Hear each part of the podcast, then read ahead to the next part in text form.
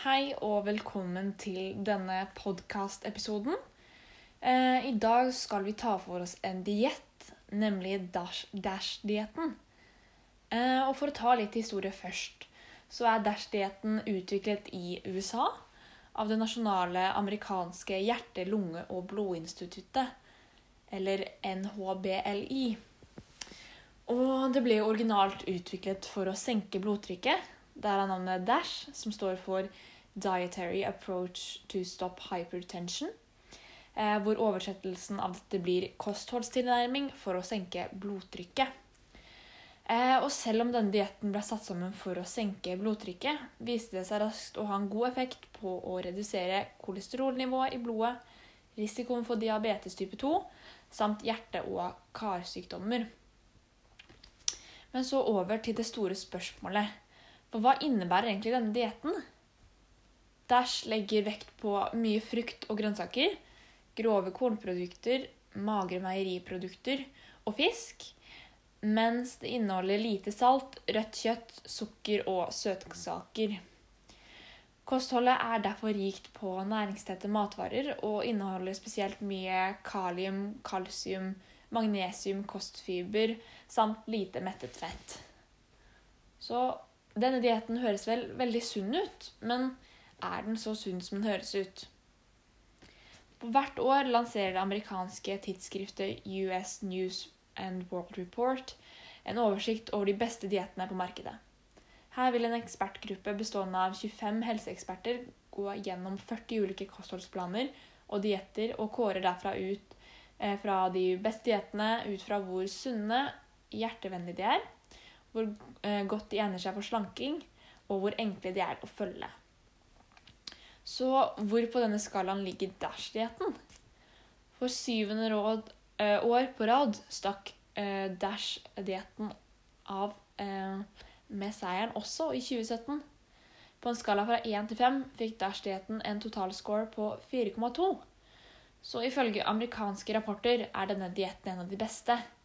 Men hva med norske myndigheter? For navnet Dash er kanskje ikke så kjent her i Norge, men det er nok mange som kjenner igjen anbefalingene til helsemyndighetene i denne dietten. Vi kan trekke likheter mellom anbefalingene om å redusere mengden fett, rødt kjøtt og sukker i kostholdet, samtidig som denne dietten eh, er rik på frukt og grønt, som også vi kan se at norske myndigheter anbefaler. Så alt i alt er egentlig denne dietten ganske alminnelig, men det er et fornuftig, sunt kosthold. Mm, og så er det, når det kommer til fordeler og ulemper, så tenker jeg at noen fordeler Det er jo fordeler er jo at du forbedrer kostholdet ditt. Du spiser mye mer sunt, eh, og du prøver å velge bort de mer usunne tingene.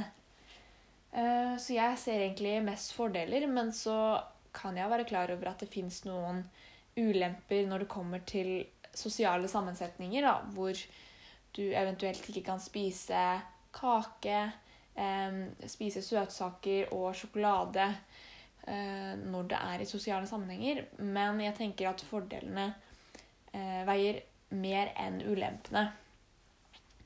Også om denne dietten er vanskelig å følge, så tenker jeg at en diett generelt er vanskelig å holde seg til. Men jeg tenker ikke at det, denne dietten er noe vanskeligere enn mange andre dietter. Jeg tenker i motsatt retning at denne kanskje er lettere å følge.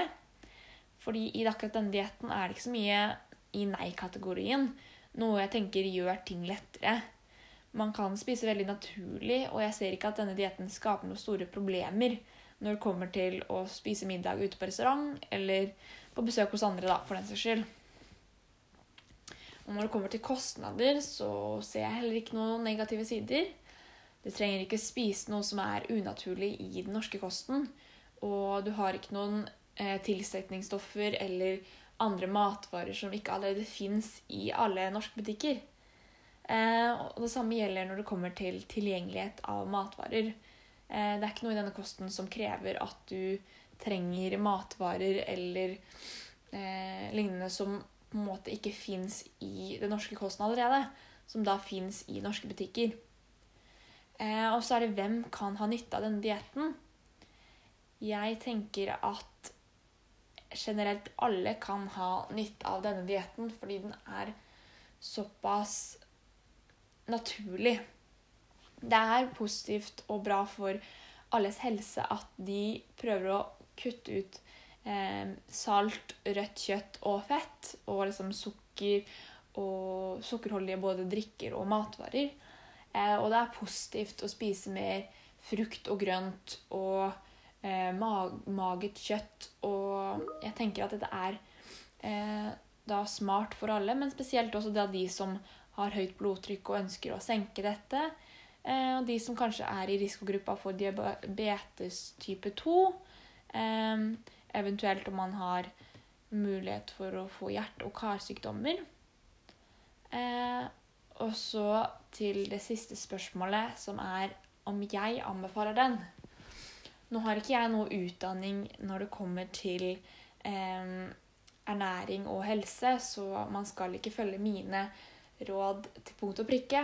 Men personlig så tenker jeg at denne kosten, eh, dette kostholdet, er positivt da, i mer eller mindre alle former og for alle personer. Og som du har hørt, så har jo jeg snakket veldig mye om de positive sidene fordi jeg mener at de er veldig mye positivt. Fordi spiser du og har et bra kosthold hvor du får i deg alle næringsstoffene du trenger, som det, da denne kosten passer på, så får du en bedre helse både når det kommer til psykisk og fysisk helse. Du har mer til overs, kanskje du begynner å ha lyst til å trene mer. Eh, og denne minsker jo risikoen for eh, diabetes type 2 og eh, høyt blodtrykk og hjerte- og karsykdommer, og det reduserer kolesterolnivået i blodet. Så jeg har jo på en måte fortalt om alle de positive sidene, så jeg kan ikke si noe annet enn at jeg er veldig for denne dietten. Så det, alt jeg kan si, er lykke til om du ønsker å prøve den dietten, eller om du bare var nysgjerrig på å lære litt om den. Så tenker jeg at det var koselig at du hørte på her hos meg i dag.